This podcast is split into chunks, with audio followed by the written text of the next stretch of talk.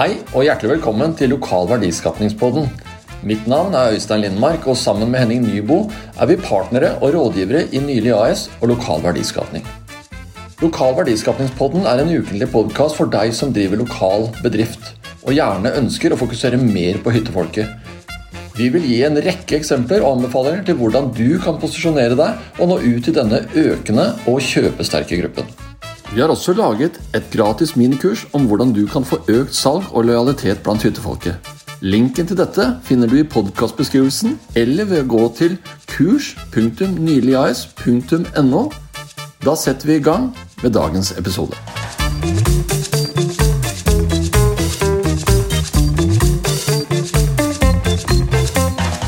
Ja, da er vi nylig hos Dokkadelta og Våtmarksenteret på Dokka.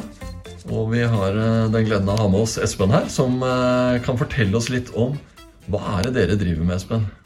Vi driver med mye rart innenfor naturmiljø. Og vi kartlegger natur. Vi restaurerer natur. Vi gir råd og rådgivning til folk som skal bygge forskjellige byggverk og veier og alt mulig. Og vi er også en som Statsforvalteren, kommuner, Miljødirektoratet og mange andre bruker som rådgiver og hjelper. Så de har det ikke kjedelig. Og så har dere gjort noe spennende i fjor med denne seteren på fjellet. Og, og, og, hva er det den skal bidra med i dette bildet? Vi har laget en gardseter oppe på Syndfjell som rett og slett viser de norske setertradisjonene, som er mange, mange hundre år gamle. Og det er bærekraftig jordbruk. Det er å produsere fra melk, oster og vafler og all mulig god mat. Og det gjør vi på et avgrenset område med budeier og med dyr og med opplevelser langt oppe i fjellet. I fjor, i 2021, så hadde vi det åpent i juli måned, og da kom det 4000 mennesker. Og de var fornøyd. De var fornøyd. Nå er det jo vinter her, og nå ser jeg én fugl som flakser der ute. Men kan du ikke fortelle hva finner vi her ute på Delta om sommeren? Eh, Espen? Ja, vår og høst særlig kommer det noen tusen fugler fra Afrika og sørlige deler av Europa. De stopper her fordi det er et fint sted å stoppe. De har tilgang på på vann og litt mat, og de har oversiktlig så de kan finne sin riktige art og sin partner før de flyr videre. Så her er det et sånn hekkested og veldig betydelige mengder med fugl vår og høst. Og der kommer folk fra hele landet for å få med seg dette skuet. Det er veldig interessant. Herlig. Og så For en tid tilbake så ble dere med Landsbylauget sitt initiativ her i Dokka, og ble med på et program hos oss. Og Kan ikke du ta med oss på den reisen det var at, eh, hvor dere var før det kurset, og hvor dere er i dag, og fortelle litt om hva det har gitt dere? Det prosjektet vi har gjort med Landsbylauget og deg, Øystein, det har vært ekstremt givende. Fordi at vi oppdaget at vi var litt for lite fokusert på å treffe kundene våre. Og selv om vi har masse kunder og vi eh, blir brukt veldig mye, så eh, skjønte vi f.eks. at hjemmesidene våre de var altfor kompliserte. Altfor mye tekst, altfor mye eh, materiale. Og De som går inn der, de må få det litt enklere. Det er nå én ting. Og så har vi også skjønt at vi har lyst til å være mye mer synlige i lokalmiljøet og bidra som en, et sted hvor folk kan bruke våre tjenester innenfor miljø, natur og tilliggende kulturaktiviteter. Så vi har hatt en utrolig spennende reise. Selv om det har vært krevende med korona, så er vi ikke deprimert. Vi ser veldig lyst på veien videre. Så bra. Og, og vi, vi, snakket jo i dag litt også. Vi hadde en liten samling i dag hvor vi snakket om dette med samarbeid.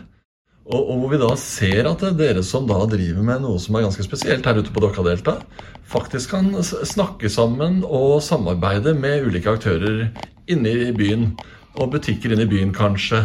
Og det, det, kan du si noe om liksom hvordan dere tenker på det fremover? Ja, vi ser at vi er et supplement til alle disse fine butikkene og bedriftene som finnes i regionen. For det er de som kommer til Dokkadelta, enten det er her nede eller det er på Gardsetra, da får de på en måte opplevelser som, er, eh, som, treffer de i hjertet. Og da kan de i tillegg til de opplevelsene få kjøpe mat hos andre, de kan overnatte, de kan bruke andre tjenester. Så vi går inn i en helhet som gjør at det er interessant for mange å komme til Søndre Land, Nordre Land, Dokka. Så bra. Dette er kjempespennende, og nå gleder jeg meg til det blir vår, for da får jeg komme opp. Når er det når er det, det liksom syder av liv her? Når skal jeg komme til Dokkadelta og besøke dere til sommeren?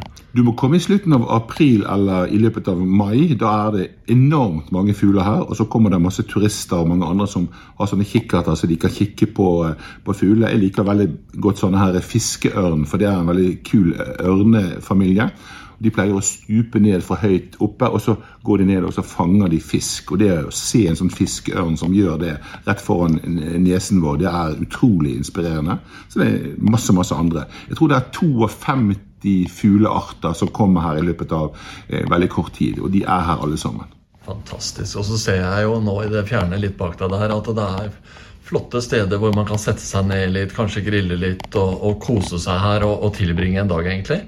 Og så vidt jeg har forstått, så, så, kan grupper også komme hit for å få kanskje en liten introduksjon fra dere? Det er rett, fordi at vi har jo åpent hele tiden. Her kan man grille, her kan man ha eh, kanopadling, her kan man fiske, her kan man bade. Det er veldig mange ting man kan gjøre her. Eh, og vi er kanskje en litt sånn bevart hemmelighet, men nå merker vi at stadig flere ønsker å komme til Dokkadelta, og det syns vi er bare hyggelig. Ja, og vi gleder oss til å hjelpe dere videre. Tusen takk for praten, Espen. Vi gleder oss til å følge dere videre.